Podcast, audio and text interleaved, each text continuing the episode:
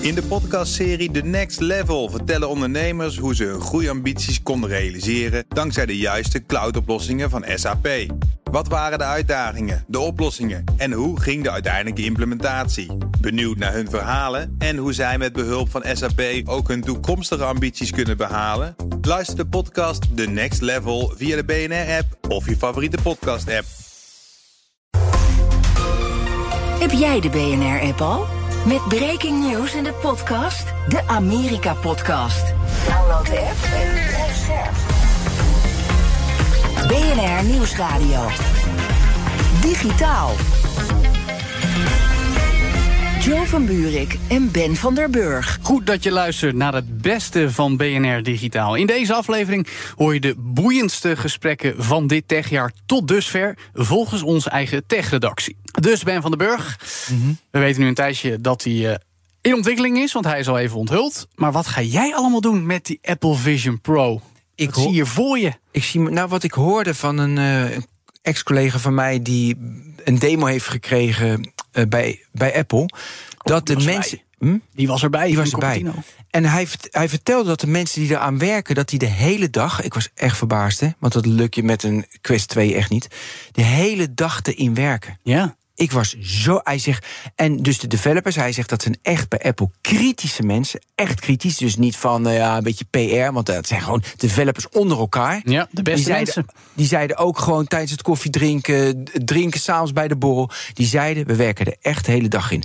En dus kijk, toen ik hem zag, dacht ik, oké, mooie films kijken. Ik lig in een, eh, weet je, ik lig ergens in. Werken kon ik me niet voorstellen. Maar nu dacht ik van, hé, hey, al die schermen en ze tikken ook echt gewoon. Je ziet dat tikken, dat dat werkt.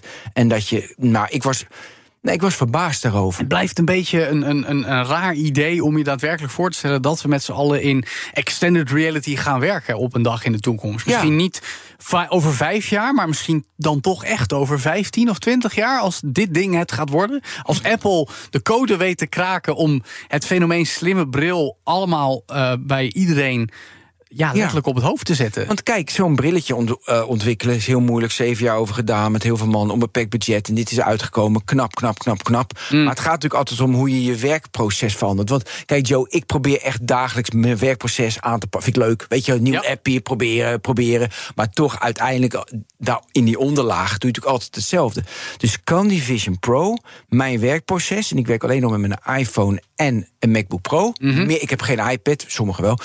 Weet je, dat is mijn werkmethode. Kan die dat veranderen? En dat vind ik eigenlijk het allerspannendste. Ik ga het gelijk proberen natuurlijk. ja, ja, ja, ja, zodra die er is, ergens nieuwjaar. Dat wordt het allerspannendste. Ja, nou ja, we toch ook het feit dat we een tijdje geleden nog hoorden dat het ook binnen Apple niet, ja, dat niet iedereen het ermee eens was dat de Apple Vision Pro er zou komen. Hè. Dat sommige mensen daar toch zouden zeggen, volgens de berichten, het is een oplossing op zoek naar een probleem. Ja. Ja. Dus Nou, dit- ja, dan moet je wel zelf het probleem hebben van ik wil op een andere manier werken. Jij met je iPhone en je, Ja. je MacBook. maar ik denk ook dat zeg maar, eh, vanuit het bedrijf bijna noodzakelijk... en ook Tim Cook in zijn nalatenschap noodzakelijk is... dat hij met iets groots zou komen. Ja, Daarom nee, wilde... dat verhaal. Ja, maar het is belangrijk. Is dat echt belangrijk, Ben?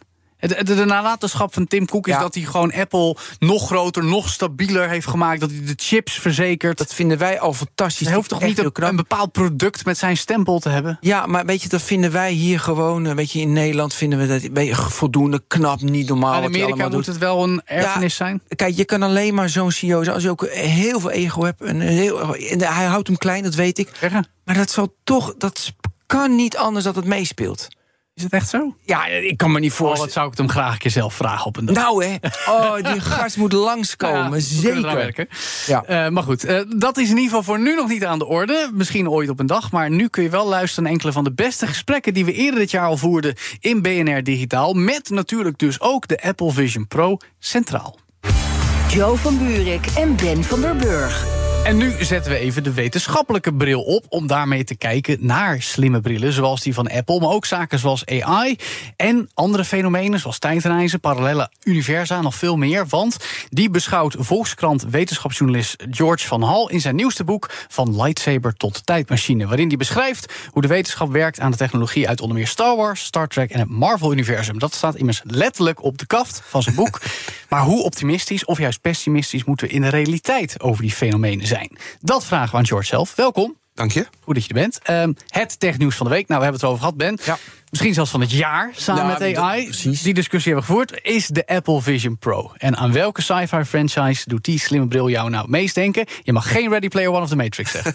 Ja, dat zijn natuurlijk wel de eerste twee opties. Snap ik. Ehm, nou ja, het deed me in eerste instantie eigenlijk vooral denken aan een science fiction boek. Oh. En eh, dat is eh, Halting State van de eh, science fiction auteur Charles Stross. Oké. En ja, daarin schrijft hij over augmented reality en een gamebedrijf dat dat lanceert. Ja. Ehm, ik ben het meest van het boek weer vergeten, want ik heb het jaren geleden gelezen. Het kwam in 2007 uit. Maar wat ik me herinner is hoe de politie gebruik maakte van dit soort augmented reality brillen. Voor gezichtsherkenning.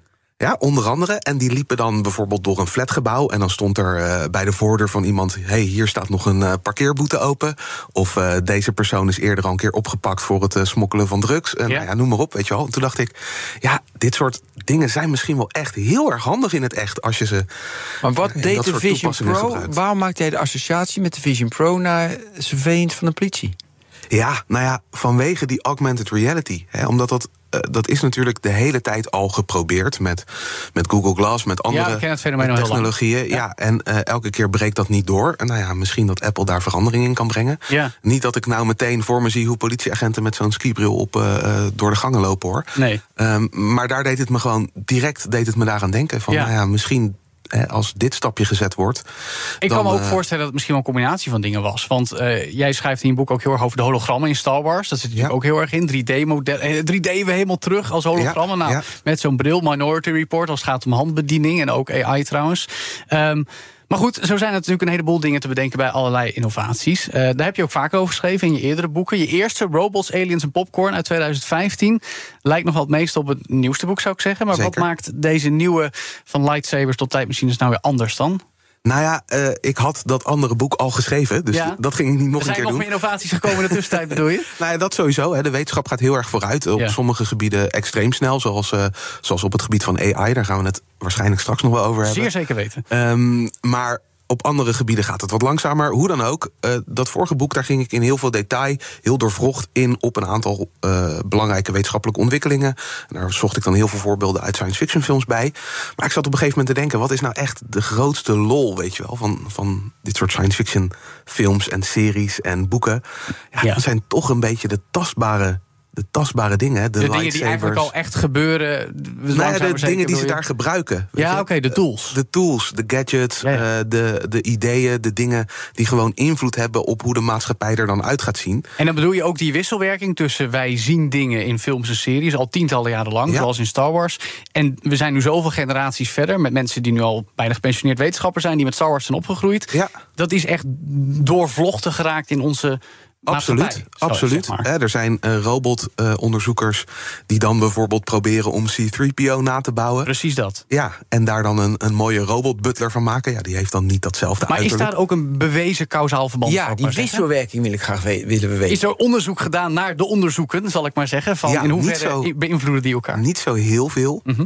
Eh, er zijn wel wat onderzoeken gedaan. Eh, zo blijkt bijvoorbeeld op het gebied van interfaces, daar is een onderzoek naar gedaan. Daar laten ze zien dat in de wetenschappelijke literatuur, dus in de vakbladen, eh, gewoon de peer-reviewed artikelen, complex waar vakgenoten die informatie met elkaar delen, dat daar de verwijzingen naar science fiction films en science fiction literatuur de afgelopen twintig jaar echt enorm is toegenomen. Ook in eh, headlines, hè? dan gebruiken ze het om de aandacht te trekken van... hé, hey, we hebben nu de lightsaber echt gemaakt, zeg maar. Nou ja, dat is, dat is dan vervolgens in de volgende stap, hè, in de persberichten. Dat heb ik zelf gemerkt toen ik eh, research ging doen voor dit boek.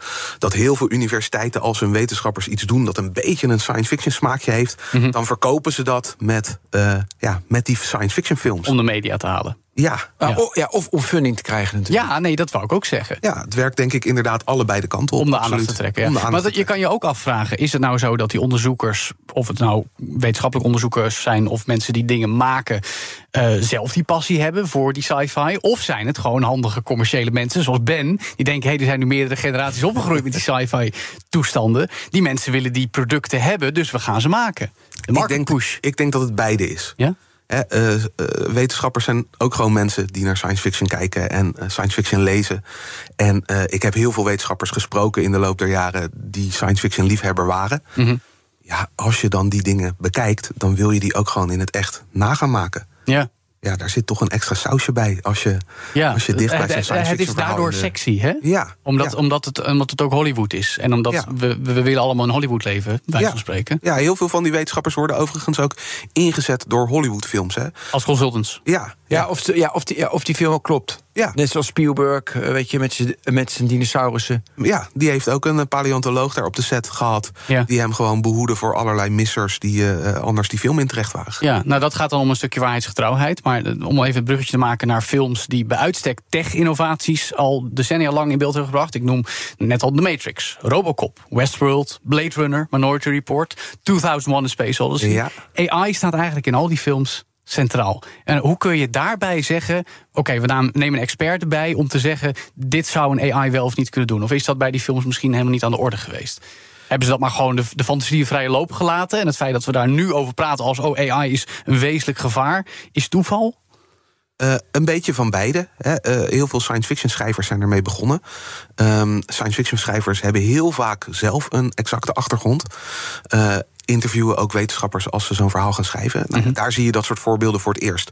Het hele idee van zo'n AI die dan op een gegeven moment zelfbewust wordt, ons nucleaire arsenaal overneemt en gewoon de totale mensheid uitroeit. Dat kennen we uit de Terminator filmreeks. Ja, maar ook al uit films uit de jaren 60, zoals Ja. 2001. Ja, ja, nou ja, goed, daar eh, is het wat kleinschaliger, het leed dat, eh, dat hel in die. eh, Ja, de maar het is wel. AI die de mens overroelt, zeg maar. Dus Ja, dat concept absoluut. bestaat dus al dus Dat- vele decennia. Dat is er al heel lang, ja. En het is, denk ik, gedeeltelijk ook gewoon gevoed door onze angst voor als je iets maakt dat zelfbewust is, dat je daar op een gegeven moment de controle over verliest. Ja.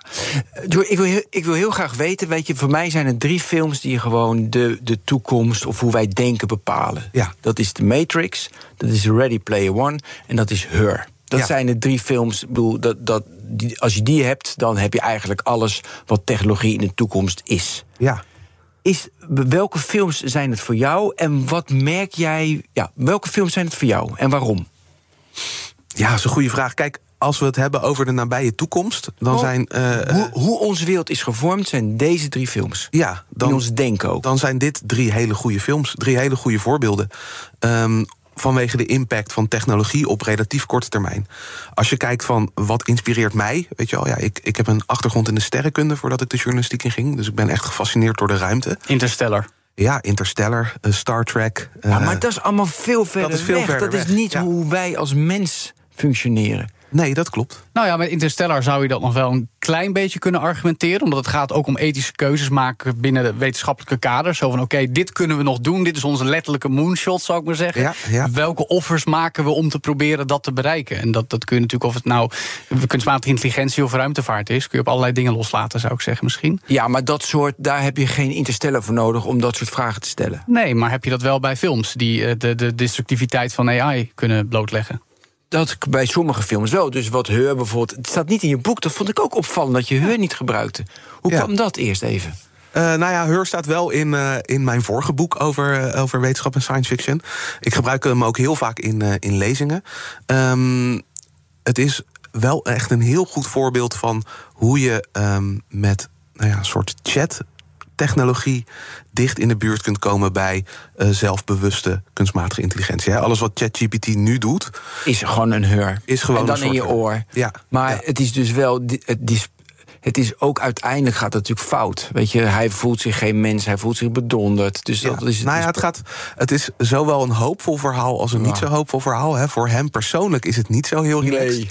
Maar uiteindelijk laten die kunstmatige intelligenties ons wel gewoon lekker met rust. Ja. Hè, die gaan niet eh, eh, een een Robertje Oorlog eh, uitvechten. Nee, en in de Matrix gaat dat bepaald de andere kant op. Daar gaat het, eh, daar gaat het maar heel oké, anders, nou, ja. de, de big one. Hè. We hebben het de afgelopen maanden steeds luider. eh, eerst vanuit sceptici, nu ook vanuit ontwikkelaars zelf... die AI's ontwikkelen en inzetten commercieel...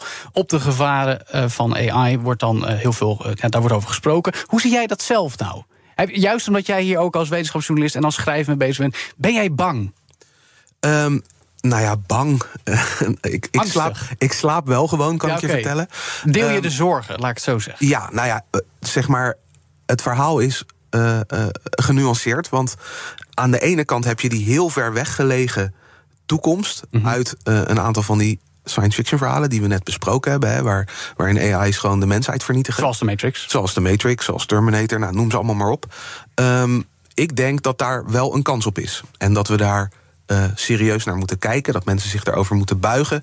En dat we moeten zorgen dat we uiteindelijk niet daar belanden. En dat gaat dan om de combinatie van zelfbewuste AI's en wapen-AI's. Ja, het hoeven niet eens zelfbewuste AI's te zijn. Hè. Als je een opdracht geeft aan een kunstmatige intelligentie en dat wordt breed geïnterpreteerd, daar hoeft zo'n kunstmatige intelligentie Zoals laatst niet. Dat eigenlijk de hoax zou ik bijna willen zeggen, niet, want er werd iets uit proportie gerukt van een simulatie waarin de AI uiteindelijk de opdrachtgever zou hebben vermoord in de simulatie, omdat hij dat als de manier zag om de opdracht uit te voeren. Ja, een heel mooi science fiction verhaal was dat ja, geweest. eigenlijk wel, hè? Ja, maar uh, nou ja, dat soort dingen, ja.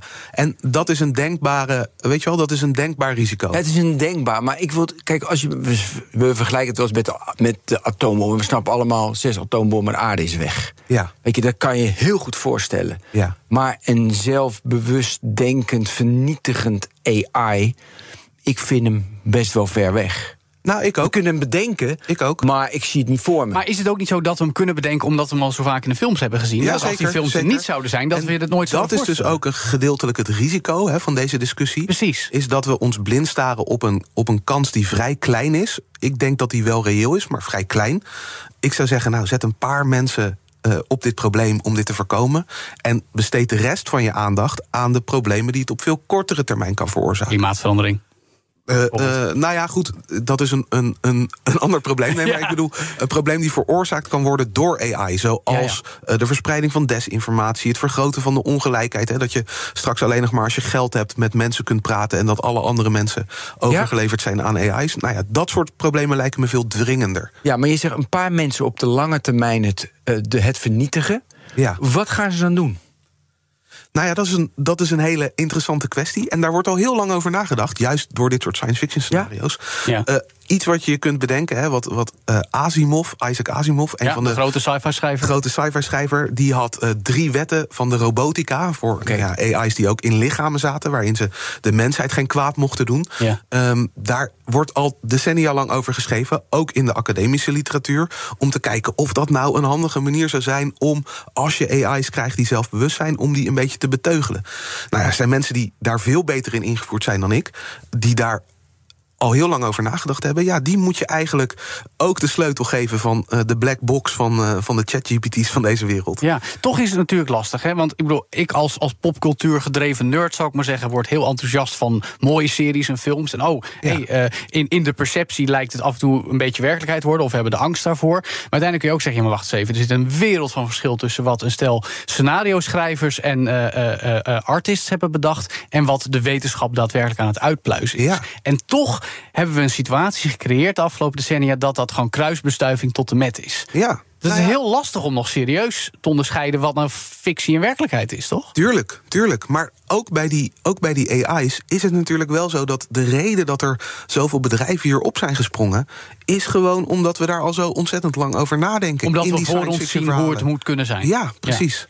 Mag ik heel even tot dus de wetten van Asimov? Je zegt dan, dan moeten gewoon die drie wetten, weet je, de eerste, een, een, een robot mag een mens geen letsel toebrengen.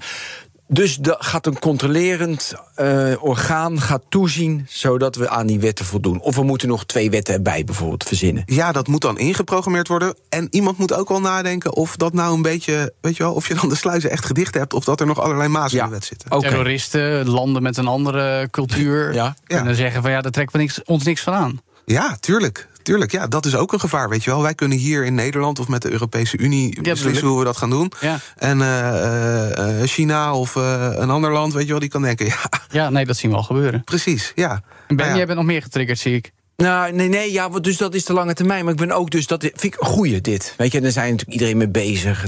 Maar ook de korte termijn, weet je, is best wel lastig. Weet Ja. je, hoe je daar nu op een goede... Je hebt de AI-act die eraan komt, daar praten we heel veel over en lang over. Maar de, de- weet je, hoe, hoe zie jij in science Hoe lossen ze dat in science fiction op? Of gaan we gewoon dood? Zoals in veel science fiction films. Ja, nou ja, in science fiction lossen ze dat eigenlijk meestal ook niet echt op. En ehm, waar toch altijd een beetje aan voorbij gegaan wordt, ook in fictie, is hoe snel de technologische ontwikkeling gaat en hoe traag de maatschappelijke reactie daarop is. Dus het is al, nou ja. Al zolang als ik over technologie en wetenschap schrijf, is het al een feit dat uh, bijvoorbeeld onze wetgeving bijna niet kan aanhaken op de snelheid van die, uh, van die technologische ontwikkelingen. En er zijn allerlei onderzoeksgroepen aan technische universiteiten die daarmee bezig zijn voor technology en law, om dat aan elkaar te lijmen. Maar het blijft gewoon een uitdaging. Nu ook weer opnieuw met die AI-wet, weet je wel, die op zich laat wachten. Dat komt pas over een paar jaar. Ja. Ja, dat, en dat kunnen we niet versnellen. Dat menselijke overleg, dat, dat lukt gewoon niet om dat sneller te krijgen. En dus blijf je altijd achter de feiten aan. Maar tot slot, hè, want ik heb deze vergelijking ook wel eens gemaakt. We, hebben, we begonnen ooit met de uitvinding van het vuur. En volgens dus millennia lang is er van alles gebeurd. Ja. Uiteindelijk zijn het allemaal tools, hè Ben. En elke tool, elk middel, elk hulpmiddel heeft zijn voor- en tegens. Afhankelijk van hoe het gebruikt wordt, door de mens vaak. Ja, Eh, AI lijkt wel de meest recente, meest prangende, meest polariserende. zeker. Is die dan nog wel te vergelijken met al die baanbrekende tools... of is dit echt een categorie anders wat jou betreft? Ja, het, kijk, hoe verder we komen in die technologische ontwikkeling, hoe meer impact het gaat hebben. Ja. Weet je wel? Als je kijkt naar hoeveel impact social media heeft gehad, de opkomst van social media, dat kon je ook heel moeilijk voorspellen op het moment dat de eerste Facebook-berichtjes eh, de ronde deden. Hm. Ehm, hetzelfde geldt voor AI. Ik denk zelfs dat heel veel van wat we gaan meemaken met AI, ja, dat gaan we nu in dit, eh, in dit programma nog niet kunnen bespreken. Je bedoelt dat die films zijn nog niet geschreven? Nee, ja, daar zijn gaan we er- op terugkijken en dan denken we, ja, jeetje, natuurlijk ging AI dat doen. Ja, maar zijn er ook films die de alle positieve, goede dingen... wat technologie allemaal brengt, heeft op een positieve noot eindigen, Nou ja, snap ik. ja, in, het, in het geval van, van AI zijn er ook hele positieve. Maar ook zijn er Verhalen. science fiction films positieve verhalen. Noem maar even, Mijn- maar dan hebben we mijn- wel hoop om te Ja, krijgen. hoop- laten we hoop maken. Mijn favoriete eh, verhaal hierin is eh, van Ian M. Banks, de Culture-serie. is een boekenreeks. En eh, daarin hebben we eh, ja, eigenlijk al het openbaar bestuur... en alles eh, wat ook maar te maken heeft met logistiek en regelen... hebben we uitbesteed aan AI's. We een En het leven is. Utopische maatschappij. Heerlijk. Nou, laten we hopen dat het toch die kant op gaat dan. Dank, George van Hal, wetenschapsjournalist bij de Volkskrant... en schrijver van het boek Van Lightsaber tot Tijdmachine. En straks praten we door over de Apple Vision Pro. Dan niet door welke films en series die, eh, we die nu voor ons gaan zien... maar vooral wat we voor ons zien als het gaat om nieuw soort toepassingen... met die slimme bril. En welke dat zijn, bespreken we zo met appontwikkelaar Jelle Prins. Blijf luisteren. BNR Nieuwsradio. Digitaal. Joe van Buurik en Ben van der Burg. Welkom terug bij BNR Digitaal. Maandagavond was het eindelijk tijd voor die lang verwachte One More Thing van Apple. Toen Tim Cook als topman de Apple Vision Pro onthulde na zeven jaar ontwikkelingstijd. Maar hoe revolutionair is die slimme bril? En vooral, hoe gaan we die allemaal gebruiken? Dat vragen we en bespreken we met appontwikkelaar Jelle Prins. Onder meer bekend van de apps van Booking.com en Uber, om er maar even twee te noemen. Jelle, welkom. Dank je. Jij wilde heel graag over de Apple Vision Pro komen praten. We hebben je al te gast gehad over AI en over andere innovaties. Maar dit moest ook even. Ja, ik dacht, Blue dit Sky. wordt heel leuk. Ja, Ja. dus, want eh, hoe heb jij het beleefd, die aankondiging van de Vision Pro begin deze week? Ja, ik ging naar een eh, WWDC viewing party. Oftewel een feestje waarbij we de keynote van Apple gaan kijken. Mhm. Eh, dat doen we al heel lang. En vaak gingen we het dan ook nabespreken. En nu was het dus met, met een aantal Apple-nerds in Delft bij de TU Delft. Kijk. Goed gezelschap, lijkt me. Ja. En wat is jouw eerste indruk? Want eh, alleen al over de terminologie kunnen we discussiëren. Apple zegt spatial computing, augmented reality. Maar dan zijn er weer mensen die zeggen: nee, het is eigenlijk virtual reality. Het is een combinatie, mixed reality, extended reality. Wat is jouw indruk van wat dit apparaat doet? Ja, leuk is dat Apple natuurlijk metaverse hier echt ontwijkt. Daar willen En ze niks kun- mee te maken Nee, daar willen ze niks, eh, niks doen. Ehm, ja, wat is mijn interpretatie? Je kan hier veel verschillende kanten op. Het is en virtual reality als je je afsluit van de wereld. Het is en augmented reality eh, als je de beelden projecteert. Maar later denk ik ook gewoon projecteren op werkelijke dingen in de wereld. Ja. Ja, spatial computing is dan hoe, eh, hoe Apple het gaat noemen. Ja. Ehm, maar ik denk dat de interactie ehm, met de werkelijke wereld... dat dat het belangrijkste is. Ja, Ben. Wij noemen dat augmented reality. Ja. Ja, ik zat een beetje tussen vermijden de metaverse, omdat dat van meta is, is een beetje een term die we niet meer willen. Dus introduceren een nieuwe term. Zal de wereld dat overnemen? Spatial computing? Ik denk het niet. Ik denk dat dat een Apple-term blijft. Dus dan zitten we weer met definities. Hoe gaan we het noemen? Ja, dat is toch belangrijk. Oh. Ja? Ja, ja want een, nee, een, een smartphone, weet je, een, dat is toch, weet je een, Nee, een smartphone is een smartphone. Daar zijn Ja. we heel helder over. Nou, maar dat we nog Ja. steeds over een slimme bril, een virtuality bril, een augmented XR. Ja. De, die definitie wordt ook belangrijk. Willen we daar iets mee kunnen in de wereld? Heb je daar gedacht over, Jelle? Nee, ik, ik vond Anders- het eigenlijk voornamelijk interessant dat ze die, die termen vermijden. Maar of het nou virtual reality of augmented reality. Het nee, het is veel interessanter, denk ik, om na te denken over eh, wat zijn de use cases die ze nu zien en die er in de toekomst eh, komen. En hoe gaan we die verschillende eh, Ja. use cases benaderen. Want ja, of je op de bank zit in je eigen virtuele wereld, of dat je hem op hebt en interacteert met de werkelijke wereld waaroverheen andere dingen worden geprojecteerd, dat is iets heel anders. Ja, maar het maar- kan met hetzelfde apparaat. We hebben verschillende dingen gezien in de demonstratie en ook dingen gelezen eh, van de techjournalisten die hem al op hebben gehad. En dan hebben we het bijvoorbeeld over het met meerdere schermen kunnen werken. Vrij letterlijk spatial computing zou ik zeggen. Films kijken, 3D-films kijken, maar ook ja, mediteren, van alles en nog wat. Zat er iets bij in die keynote, in die presentatie tijdens Worldwide Developers Conference, waar jij gelijk door getriggerd werd? Ik denk dat om dit apparaat te evalueren, kunnen we kijken naar wat voor use cases geeft Apple op dit moment aan. En dan zijn er eigenlijk weinig dingen die we niet al kunnen met onze, met onze Mac, met onze PlayStation en onze televisie. En we moeten kijken naar wat verwachten we dat er in de toekomst mee mogelijk gaat zijn. Noem eens iets. Nee, maar eerst even van nu. Wat vond je nu in de keynote waarvan je dacht van... nou, daar zie ik iets in. Want bijvoorbeeld dat werken en dat ik dan op een virtueel toetsenbordje... Ja. dat gaat echt niet gebeuren. Jij bent ook Get coder. real. Zie je jezelf al dat Doe doen? dat niet, man. Of nee? Nee, ik, ik denk dat het, eh, dat het hele bijzondere technieken zijn die ze zijn- hebben ontwikkeld. Er komen heel veel nieuwe technieken eh, binnen. De mensen die er al gebruik van hebben gemaakt, die zeggen van ja, het is super bijzonder. Maar er zitten sensoren in die constant in de gaten houden van waar je naar kijkt. En als je dan naar een icoon kijkt. En je beweegt je vingers een klein beetje, dan tik je erop. En ze zeggen dat voelt magisch. Want het voelt niet meer alsof je de computer bestuurt, maar alsof hij al weet wat je wilt doen. Het is dus letterlijk dat idee van jij denkt ik wil dit. En het lijkt bijna alsof deze headset een Nou. voorschot neemt op.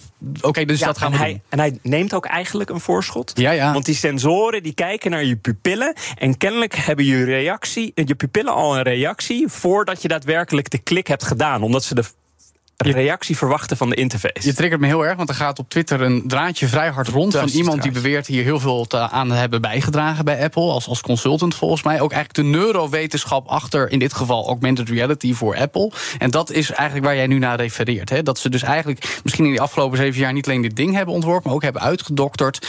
Welke eh, systemen in ons lijf worden er getriggerd op het moment dat wij denken: hé, hey, dat wil ik gaan doen. En wat gebeurt dan met je ogen en met je vingers? Ja, dus ik, ik denk, nou gaan we al kijken naar wat verwachten we dat dit apparaat in de toekomst kan. Dat de, willen we de volgende weten. versies. Ja, zeg En maar. Ik kijk heel erg naar het apparaat wat ze nu hebben aangekondigd als een soort developer preview. Oké. Dit ding is niet voor de massa. Nee, die 3500 dollar waar wij moe van worden, daar Ja, moeten we helemaal niet naar kijken. En hè? daar start het bij. En ik draag Ja. een bril, dus ik moet waarschijnlijk nog 600 dollar bepa- Voor betalen lenzen. voor bepaalde lenzen. Eh, nog een extra headband. Nou, het gaat veel geld kosten. En hij komt ook alleen in Amerika. Dus dit, is, dit is voor een hele specifieke groep. Ja. Ehm, maar als we eventjes kijken naar de eerste iPhone. 500 dollar. Toch? Ja, maar met abonnement. Ja. Maar daar kon je ook geen andere apps op installeren. Dat Nee. was de Safari, de note-taking app en de klok van Apple.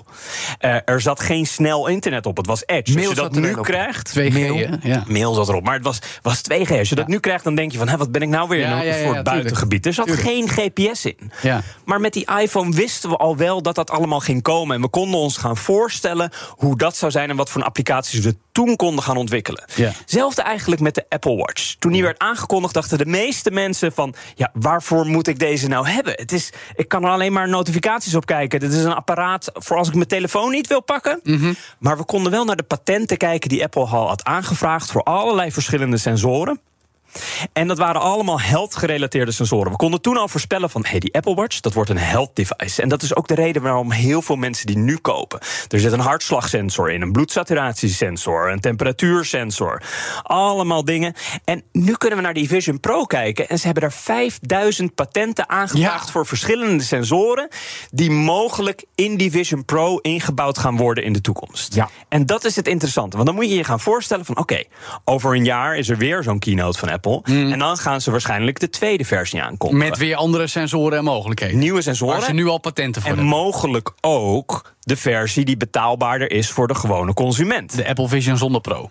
Juist. Ja, bijvoorbeeld. En, en dat is ook de reden waarom nu zoveel mensen, of zoveel ze willen zoveel ontwikkelaars er al mee aan de slag hebben, zodat ze volgend jaar kunnen ze aan de consumenten laten zien. En kijk eens wat voor coole apps er zijn. Ja. Joe en ik gaan 100% mee met deze analyse. Maar de vraag is natuurlijk welke patenten.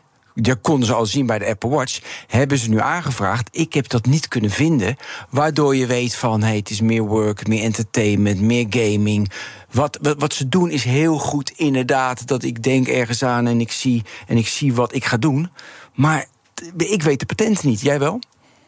Nou, de exacte patenten niet, maar. Um, en nou ga ik iets engs zeggen. Oh. Hoe je het moet voorstellen is dat dat apparaat zo ongeveer je gedachten kan lezen. Nou, zover ja, gaat dat het heb niet, je net eigenlijk al beschreven. Ja. gemoedstoestand gaat hij lezen. Want er Ja. komt ook een hartslagsensor, een bloeddruksensor in. En, en je oogreacties. En zelfs de elektrische signalen van je hersenen gaat hij meenemen. Mhm. Om te kijken van uh, hoe ontspannen ben je. Of juist gaat je stressniveau omhoog. Als jij inderdaad wil gaan mediteren, Mhm. dan kunnen ze de geluiden en de beelden zo op jou aanpassen. Ze leren van: oké, wat, voor, wat voor geluiden word jij nou ontspannen van? Gelijkertijd, als jij een spel aan het spelen bent, een, een horrorspel of een horrorfilm aan het kijken bent, dan zien ze wat je stressniveau is. Ze zien ook waar je, waar je bang van wordt. Ik hou niet van slangen. Dus dat apparaat leert al heel snel van: oh, als we Jelle bang moeten maken in een, in een Slangen. spel, dan moet er een grote slang voorbij komen. ik, word nu, ik word nu bang van jou, Jelle. Inderdaad, als je wil leren, snel leren, langzaam leren, nu concentreren niet. Dus Ja. daar gaat het naartoe. Ja. Ja. En er kwam zelfs nog iets voorbij. Ja. Is dat ze hebben ontdekt dat ze je beelden en geluiden kunnen tonen of laten horen, heel kort, zodat je ze mentaal niet registreert, maar ze kunnen wel een reactie daarop meten. Dit, dit wordt echt heel erg Ja. eng. Ja, ja, ja. Eh, Oké, oké, Maar wat kan je daarmee? Dat is de Nou, volgende ja, vraag. Nou, wat ga jij ermee doen? Dat wil ik ook alvast weten. Ga, ga, ben jij getriggerd? Je- Jij hebt hartstikke veel ervaring. Je hebt hele invloedrijke apps ontwikkeld. Dat je denkt van, hier ga ik opduiken. Want ik zie jou nu al een beetje glimmen. En met een beetje verneinige glimlach. Maar dus, dus eh, er moet iets in jou zijn als appbouwer... dat je denkt van, hier moet ik wat mee gaan doen. Want dit is de toekomst van computing misschien wel. Ja, nou kijk, toen de iPhone werd aangekondigd, toen was ik eh, net aan het eind van mijn studie. En toen lag mijn carrière open. Mhm. En ik zag dat dat werd de volgende revolutie. En daar ben ik opgesprongen. En daar heb ik een deel van mijn succes ben ik daaraan te danken. Ja. Als ik nu in dezelfde fase in mijn leven zou zitten, dan zou ik zeggen: dit is heel vet. Hier kan je mooie dingen voor Maar je bent druk met je AI-bedrijf voor proteïne ja, ik, ik ben nu iets anders aan het doen en ik geloof ontzettend veel daarin. eh, dus, dus dat blijf ik doen. Maar niet er zitten switchen. 24 uur in de dag en je kan best wat minder slapen. Ja, nou, ik kan wel nadenken over wat ik, wat ik als hobbyprojectje met vrienden bijvoorbeeld zou gaan doen. Ja. Eh, en dan word ik persoonlijk bijvoorbeeld heel erg eh, enthousiast van hoe dit de gameervaring zou kunnen veranderen. Ja. De gameervaring. Je gaat games maken? Nou, ik, ik denk dat er hele leuke games gemaakt zouden kunnen worden. En ik denk dat dat al puur een reden voor mij zou zijn om er op een gegeven moment eentje te kopen. Mits die betaalbaar is ook voor mijn vrienden. Joe van Buurik en Ben van der Burg. En dus gaan we doorpraten over de Apple Vision Pro. De lang verwachte slimme bril van Apple. Geschikt voor augmented en virtual reality. En vooral die laatste term kennen we met name uit de game-industrie. En dat is juist iets wat ook bekend appontwikkelaar Jelle Prins blijkbaar triggert. Nou Jelle, dan moeten we het ook maar hebben over nou, toch wel de grootmacht in virtual reality. Misschien tot voor kort. Meta, met de Meta Quest 3, die ze ook net vorige week nog even hebben aangekondigd. De, de, de, ja, de opvolgende 2, een hele goede VR-headset zou ik zeggen. En de Meta Quest Pro, die Ben wel eens op hoofd heeft gehad, die veel te duur is, die is het dan toch niet helemaal. Ehm, hoe, hoe zie jij nu dat, dat krachtveld? Want Meta is al jaren bezig met virtual reality. Apple komt er nu bij, maar is natuurlijk al zeven jaar in de coulissen warm aan het lopen. Hoe zie jij dat landschap zich nu ontwikkelen? Heel interessant is hoe Apple en Meta de headsets heel verschillend pitchen. Meta focust zich heel erg op virtual reality, op games en op sociale experiences. Ja. Hm, ja, Dat, juist. Ja. Ja. En, Dingen met je en vrienden Apple doen. die laat voornamelijk augmented reality dingen zien. En, Voor jou alleen. Ja, en mensen die enkel in hun eentje op de bank zitten. En laat nauwelijks games zien. Ja. Ik heb ook zo'n Quest Mhm. van Meta. Ik heb de VR-glasses van de PlayStation. En ik Ja. denk dat als je die opzet, dan heeft dat een bepaalde wow-factor.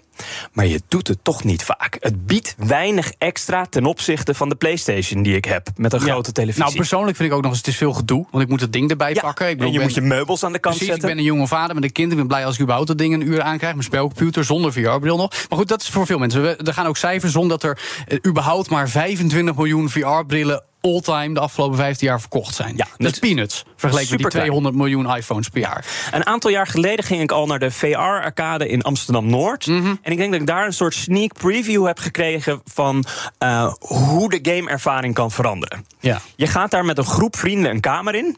Krijgt allemaal zo'n bril op en je zit in een virtuele wereld. En doordat er sensoren aan de muur van die kamer hangen, weten ze waar je vrienden zich bevinden en kunnen ze die vrienden projecteren in jouw virtuele wereld. Je ziet dus in die virtuele wereld waar je vrienden lopen, en Ja. je hoort elkaar, je kan tegen elkaar praten en ondertussen komen er monsters op, op Ja. je af en die kan je afschieten. Maar dit, dit klinkt één als wat de HTC 5 eh, in 2016 deed. Twee als heel veel gedoe om dat weer te gaan doen om het ietsje beter te maken. Voor mij. Of ben ik dan gek?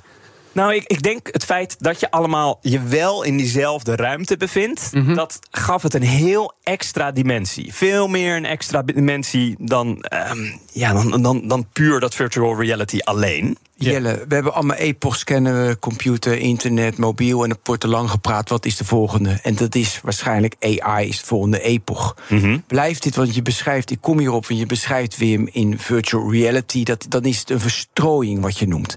En het wordt natuurlijk interessant als het geen verstrooiing is... als het echt onderdeel uit gaat maken, AR en VR... van je dagelijks leven. Je hebt Ja. je bril op en je ziet iets...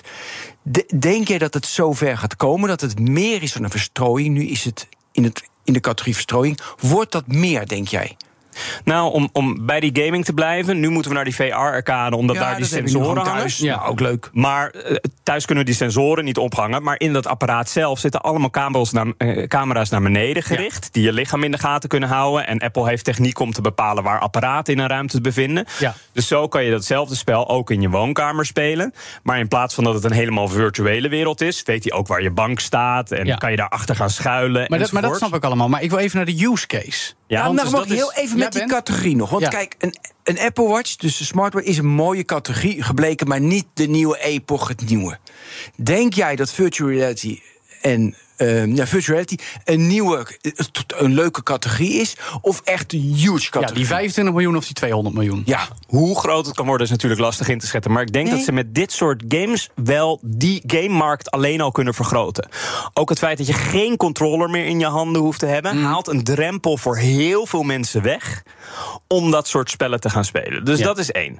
Nou ja, dan augmented reality, hoe het bijvoorbeeld op de werkvloer gebruikt kan worden. Ik vond het jammer dat Apple daar eigenlijk geen voorbeelden van gaf. Je bedoelt samenwerken aan 3D-modellen die, die geschetst worden Ja, en dat soort dat- dingen. Dat kennen we eigenlijk toch ook al? Stel dat je bezig bent met een reparatie Ja. en dat er op het apparaat wat je aan het repareren bent geprojecteerd wordt van hé, hey, nu deze bout aandraaien. In plaats van dat je heen en weer moet naar Maar, een maar Jelle, dit zijn instructievideo. allemaal dingen die ik eigenlijk al gezien heb. in de Ja, HoloLens jaren. was dit wat je nu noemt. Dus, maar, dan, Maar nu misschien dan- beter? Dan, ja, maar oké, maar dat is dan het punt. Dus het zijn geen compleet nieuwe use cases. Maar het feit dat Apple het gaat doen op Apples manier, moet succes gaan brengen. Is dat wat je zegt? Ja, maar Apple is nooit de aller, allereerste. Nee, dat snap ik ook. Maar, maar jij zegt nu dus, omdat Apple dit gaat doen, gaat dit wel kans van slagen hebben. Terwijl het de afgelopen tien jaar eigenlijk heel oneerbiedwaardig gezegd een beetje gerommel in de marge is voor mensen die echt heel erg van VR-games houden. Of hele specifieke toepassingen op de werkvloer bij sommige bedrijven. Ja, nou, ik denk dat alles wat we voorheen hebben gezien, was de ervaring zeer suboptimaal. Mhm. Waar Apple nou juist ontzettend goed is, in is, is die ervaring heel goed maken. Ja, door die Bo- hele hoge resolutie schermen bijvoorbeeld. En die refresh rate. Ja. en, en de techniek om je ogen in de gaten te houden. En dat je je handen kan gebruiken in plaats van een gekke controller. Enzovoort, enzovoort. Eh, Apple heeft ook een heel ecosysteem van ontwikkelaars. die hiervoor dingen kunnen gaan ontwikkelen. Ja. Alle iPad-apps werken straks meteen al op de Vision Pro. Ja, dat zeg ik al. Dat is op zich natuurlijk mooi, hè? Want dat betekent dat ze in ieder geval gebruikt kunnen worden. En misschien ook worden uitgebouwd. Zo van: hey, je gebruikt nu de app op je iPhone en je iPad. En we hebben hem nu nog leuker gemaakt als je hem met je Vision Pro gebruikt. Zie je dat gebeuren? Gaat, dat, gaat die transitie komen? Of wordt het een gevalletje iPhone-apps op de iPad gebruiken. zoals we dat de eerste jaren van de iPad zagen? Ja, ik, ik denk dat gewoon zo de iPad-app gebruiken binnen de Vision Pro zoals die nu is, dat is niet interessant. Mhm. Nee, maar, daarom. Maar je zult al snel zien dat die iPad-app aangepast wordt, zodat hij daar wel gebruik van maakt. Ik ben Formule 1-fan Mhm. en als ik in mijn eentje Formule 1 kijk, dan kijk ik niet alleen naar de race, maar ook de onboardcamera's van Max en Alonso enzovoort. Ik heb een scherm voor de statistieken. Ja. Dat zou je ook met zo'n Vision Pro op kunnen doen. Ja. Daar kunnen ze prachtige applicaties voor maken. Dat gaat Apple niet doen, maar dat gaat via Nee, Play zag ook al een beetje, hè, Ben, met, met speciale camera's. Dat was jouw eh, fascinatie dat Apple daar zelf nu al Ja, dat vond ik, ja dat, ik vond heel mooi eh, dat ze zelf kamers hebben gemaakt. Dus zelfs, weet je, ze hebben niet gewoon van de. Bij een NBA-wedstrijd hebben ze daarmee zeg maar, in 3D Ja. eigenlijk kunnen vastleggen wat op het veld gebeurt. Om dat vervolgens letterlijk in augmented reality gewoon het veld te simuleren. Dat jij ziet hoe dat punt gescoord is als je de Apple Vision Pro op hebt. Ja. En, dat, en daarvan zeg jij, nou, omdat ze dat allemaal bij elkaar gaan doen, gaan ze succes boeken. Ja, ik denk eh, dat dit een platform kan zijn. Waarop hele nieuwe ervaringen aangeboden kunnen worden. Eh, of dat op eh, consumentenfilmgebied, sport kijken, gaming of juist op de werkvloer. Jelle, ik heb een andere vraag. Hoe kijk jij naar dat mensen op een bepaalde manier werken, of een game spelen, of Formule 1 kijken, om dat patroon te veranderen? Dus wat je hebt gedaan met die grote apps die je ooit hebt gemaakt, heb je een gedrag veranderd bij mensen. Dat is soms best lastig. Hoe kijk je ernaar wat je moet doen om dat gedrag te veranderen? Die is lastig. Ja, die is lastig. Maar ik vind hem wel heel valide. Want dat is wel wat we met de personal computer, met de smartphone en zelfs een beetje met de smartwatch gezien hebben. Ja. En de vraag blijft: gaat dat ook gebeuren met de slimme bril? Ja, nou als we, als we kijken van waarom zet Apple dit nou vaak als een ervaring neer die je in je eentje beleeft, eh, dan is dat misschien wel omdat ze zien dat heel veel van die content op een gegeven moment specifiek voor jou gegenereerd wordt. We hebben het in het verleden over AI gehad. En dat je op een gegeven moment bij Netflix niet meer dezelfde film kijkt, maar dat er puur een film voor jou wordt gegenereerd, dan kan die film dus tijdens het kijken op een gegeven moment op jou worden aangepast. Dat sluit weer een Misschien- beetje aan bij wat je net beschreef: van hey, hij meet waar jij op aanslaat, dus gaat het meer van dat doen. Ja. En dan nog iets enger is dat die film die hoeft natuurlijk ook niet twee uur te duren. Ja. Die kan oneindig door blijven gaan. Hoe lang blijf je in die, in die dopamine Ja. trip zitten? Maar, maar dan ga ik je even tegenhouden. Want dan heb jij voor mij toch in dit hele gesprek een soort omgekeerd paard van Troje beschreven. Zo van Apple heeft iets gepresenteerd met sensoren waarvan wij misschien nog geen weet hebben. Die wel dingen over ons gaat bijhouden om ons te geven wat wij niet weten dat we willen. Klinkt een beetje als TikTok. Ehm, Ja. en, en dat is dan waar het een succes door gaat worden. Privacy, alles op je device. Ja, dat, nou ja, dat kan natuurlijk nog steeds. Dat als het jou maar geeft wat je, wat je wil. Maar dat, jij verwacht dus dat ze die route gaan bewandelen met de slimme brillen bij Apple. Ik, ehm, ik ben benieuwd in hoeverre Apple op een gegeven moment een, ehm, een standpunt gaat innemen voor wat is gezond voor de mensheid en wat niet. Ja, Want TikTok vinden we toch een beetje ongezond hoe verslaafden daaraan raken. om maar één te noemen. Ja, nou, dat, dat wordt al gedaan door puur te kijken hoe lang jij naar een filmpje blijft kijken. Mhm. Hier komt zometeen veel meer signaal binnen van wat er interessant voor je is. En het wordt niet alleen media voor je geselecteerd, maar echt gegenereerd. Ja. Dus eh, Apple gaat ontwikkelaars toegang geven tot dit soort eh, nieuwe sensoren. Ja. Maar wat je daar allemaal eh, mee mag doen en hoe lang je mensen in die virtuele wereld mag houden, ik, ik ben benieuwd wat Apple daarmee gaat zeggen. Ja, en kan een mens het allemaal aan, de gebruiker? Ja. Dat heb, heb ik ook altijd de vraag. Het is zoveel. Weet je, dus kunnen ze het aan? Nou, ik denk dat we een paar hele culturele vragen krijgen. Aan de ene kant van eh, veel minder gedeelde ervaringen met elkaar. Ja. Eh, aan de andere kant, hoe geaccepteerd is het om eh, twaalf uur lang in een soort TikTok-feed te zitten? Met een bril op je hoofd. Met een bril op je Niet hoofd. best. Nee, Nee. nou goed. Ik Nog had niet verwacht dat Nog we met niet. eh, deze dystopische afdronk Nee, dat dit gesprek zouden eindigen. Maar we zijn in ieder geval benieuwd wat de Apple Vision Pro nog gaat brengen. Dankjewel, appontwikkelaar Jelle Prins. En tot zover BNR Digitaal. Ook altijd te beluisteren als podcast op elk bekend platform. Waaronder de app van BNR. Waar je ook elke dag twee keer zelfs de tech-update kan vinden. Voor het laatste nieuws. De Cryptocast en de Technoloog. Ben, waar gaat het ook weer over in de Technoloog? Vision Pro, gewoon Oh. een uur lang. En het metaverse. En de metaverse. En het metaverse. En Nexus elke donderdag, waarin het ook gaat over, Ben. Uh, Nexus ook weer over Vision Pro. Ik was zo afgeleid. Tuurlijk. En All in the Game, waarin het niet gaat over de Apple Vision Pro, maar over Diablo 4. Ook leuk om naar te luisteren. En elke woensdag weer een nieuwe BNR Digitaal. Dus zeg ik namens onze hele tech-redactie tot volgende week. Dag. In de podcastserie The Next Level vertellen ondernemers hoe ze hun groeiambities konden realiseren dankzij de juiste cloudoplossingen van SAP. Wat waren de uitdagingen, de oplossingen en hoe ging de uiteindelijke implementatie? Benieuwd naar hun verhalen en hoe zij met behulp van SAP ook hun toekomstige ambities kunnen behalen? Luister de podcast The Next Level via de BNR-app of je favoriete podcast-app.